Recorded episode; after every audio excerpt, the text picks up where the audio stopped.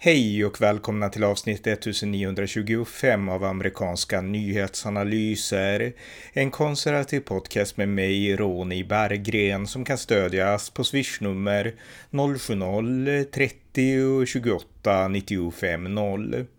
Igår den 24 augusti amerikansk tid så infann sig USAs förre president Donald Trump på häktet i Fulton i Atlanta i delstaten Georgia för att där ta en mugshot och förhandla inför åtalet om att ha försökt påverka delstaten Georgia till att i presidentvalet 2020 förändra sitt valresultat till Trumps fördel. Här samtalar jag lite kort med journalisten Pelle Zackrisson om saken. Varmt välkomna!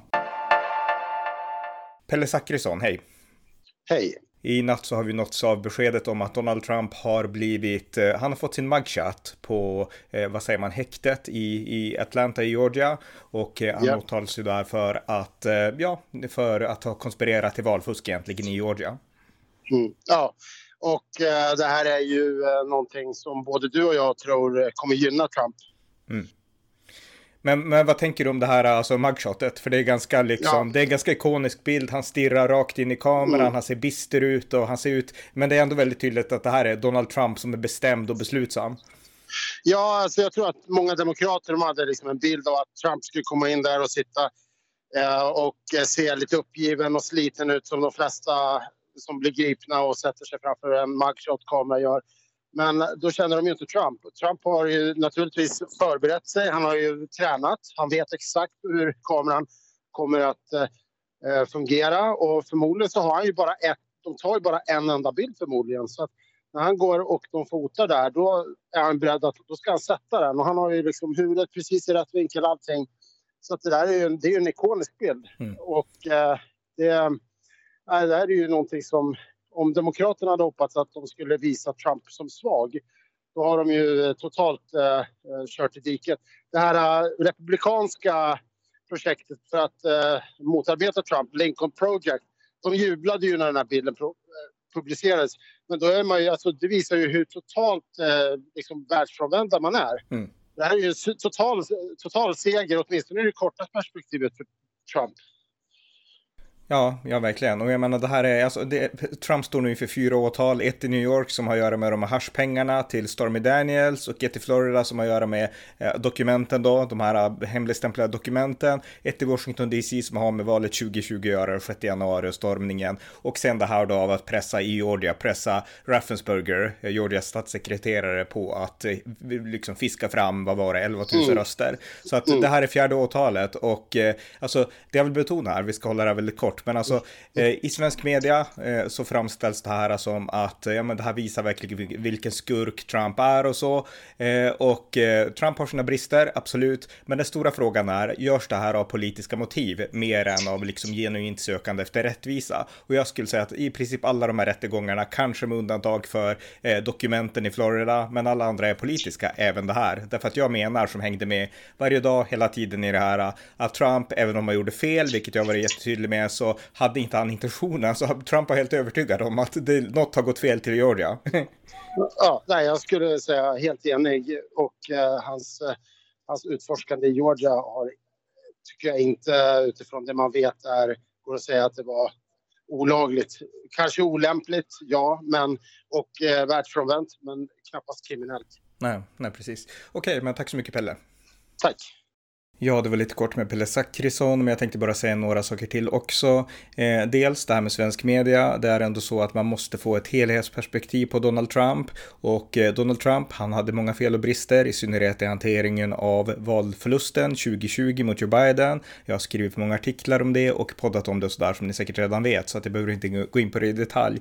Men det viktiga är ändå att ta balansen, därför att det som har hänt nu är att vänsterliberal media i USA, men kanske i synnerhet i Sverige, där det är nästan bara ett enda perspektiv, där har man hoppat på det senaste narrativet om att alla de här fyra åtalen, de är giltiga, det finns goda skäl för åtalen och så vidare. Och man förstår inte hur aktivistiska många myndigheter i USA faktiskt är, för de är aktivistiska. Och det gäller i synnerhet där demokrater styr eller där det är väldigt stor vänsterliberal prägling. Det är bara ett faktum. Och det framkommer inte nog i svensk media. Så att man kan säga vad man vill om Donald Trump. Jag menar, han hanterade allt det gjorde jag fel. Det är liksom inget snack om den saken. Jag minns allt det här med samtalet med Raffensperger och allt som hände hände och så. Men hur långt ska man dra det? Och vad är det som är vettigt? Är det vettigt att göra så här med en tidigare amerikansk president? Är det bra för nationen? De frågorna ställs nästan aldrig i svensk media, utan vi har liksom att Trump är en skurk och det är liksom inte svårare än så. Men faktum är att det är mer komplicerat än så och det behöver framkomma, i synnerhet nu när det är ett nytt presidentval på gång.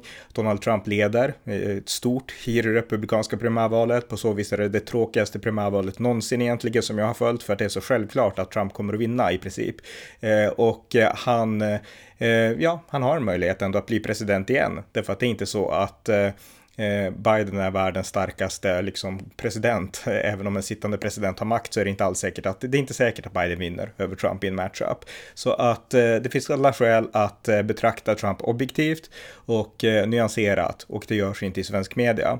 Och gäller den här mugshoten då så är den ju såklart ikonisk. Som sades så eh, vänsteraktivister och republikanerna Never Trumpers de eh, tycker att den här mugshoten illustrerar verkligen varför Trump är en skurk medan hans, hans anhängare anser att det här är en, ja men en Che Guevara-ikon nästan. Alltså det här visar att Trump är en martyr för den, den konservativa saken mot, eh, oavsett om vi pratar mot liberal media, mot den djupa staten, mot Biden-administrationen, men en martyr för den konservativa saken.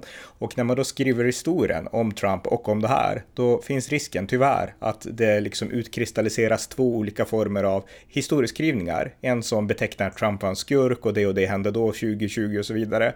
Och en annan rörelse som liksom helt avfärdar kritikerna och säger att Trump var en, liksom en hjälte och en fighter och sådär. Och eh, den sanna historieskrivningen, den måste ta avstamp i en sann och korrekt analys av sanningen. Och det är den jag tycker trollas bort i det här liksom väldigt flashiga mediaspelet om Trump. Och det tycker jag är synd. Och eh, man kan trolla bort det här på olika sätt. Man kan göra som Trumps fans, som helt liksom inne i megarörelsen, som verkligen tror att valet var stulet och så vidare.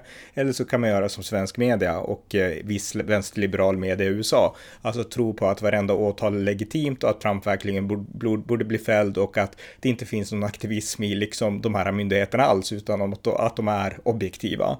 Och eh, i USA tror jag att man vet att det inte riktigt är så, men i Sverige så gör man inte det. Jag menar, jag har träffat journalister när jag har suttit i tv-studios och andra som på allvar tror att CNN var objektiva, vilket CNN inte var. De är lite bättre nu, men eh, de var absolut inte det under Trump-åren. Jag har träffat andra analytiker som Liksom inte alls kan tolka det här liksom nya, nya medielandskapet, utan de vill ha en röst, liksom CBS eller CNN eller någonting så ska man kunna lyssna på det och veta vad som är sant och liksom kunna bara utifrån vetskapen och tryggheten i att den här etablerade mediekanalen är sann kunna avfärda alla andra röster.